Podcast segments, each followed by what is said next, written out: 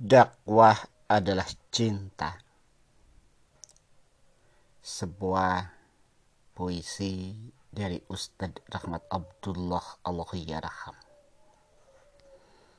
Memang seperti itu dakwah. Dakwah adalah cinta dan cinta akan meminta semuanya dari dirimu. Sampai pikiranmu, sampai perhatianmu berjalan, duduk dan tidurmu. Bahkan di tengah lelapmu, isi mimpimu pun tentang dakwah, tentang umat yang kau cintai. Lagi-lagi memang seperti itu, dakwah.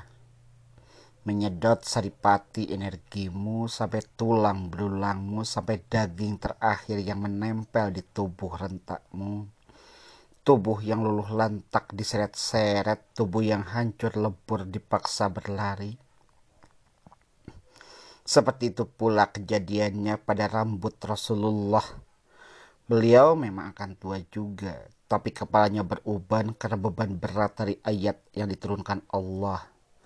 Sebagaimana tubuh mulia Umar bin Abdul Aziz, dia memimpin hanya sebentar. Tapi tapi kaum muslimin sudah dibuat bingung, tidak ada lagi orang miskin yang bisa diberi sedekah. Tubuh mulia itu terkoyak-koyak, Sulit membayangkan sekeras apa sang khalifah bekerja. Tubuh yang segar bugar itu sampai rontok hanya dalam dua tahun ia sakit parah kemudian meninggal. Toh memang itu yang diharapkannya. Mati sebagai jiwa yang tenang.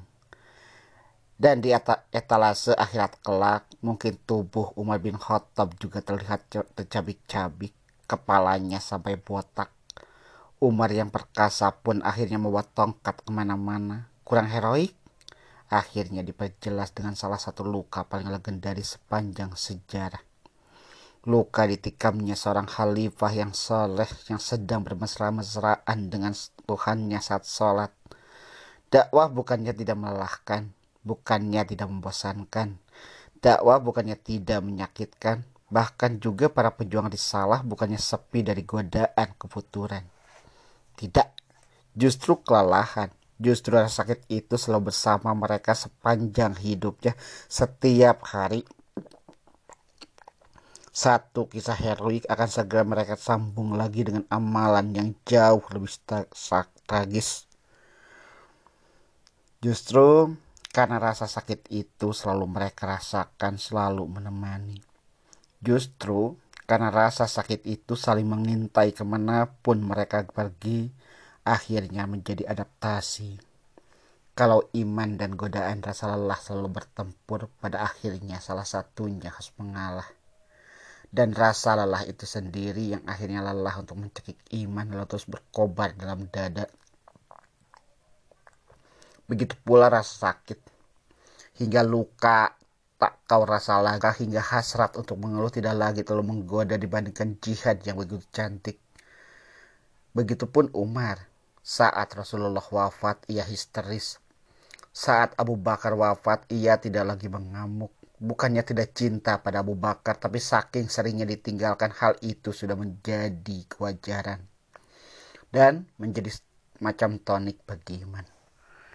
Karena itu kamu tahu Pejuang yang heboh ria memamer-mamerkan amalnya adalah anak mensore. Yang takjub pada rasa sakit dan pengorbanannya juga begitu karena mereka jarang disakiti di jalan Allah. Karena tidak setiap saat mereka memproduksi karya-karya besar, maka sekalinya hal itu mereka kerjakan, sekalinya hal itu mereka rasakan. Mereka merasa menjadi orang besar dan mereka justru jadi lelucon dan target doa para mujahid sejati. Ya Allah, berilah dia petunjuk. Sungguh engkau maha pengasih lagi maha penyayang.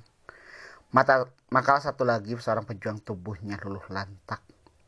Jasadnya dikoyak beban dakwah tapi iman di hatinya memancarkan cinta mengajak kita untuk terus berlari. Teruslah bergerak hingga kelelahan itu lelah mengikutimu. Teruslah berlari hingga kebosanan itu bosan mengejarmu.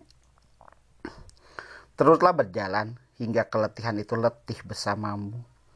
Teruslah bertahan hingga keputuran itu putur menyertaimu.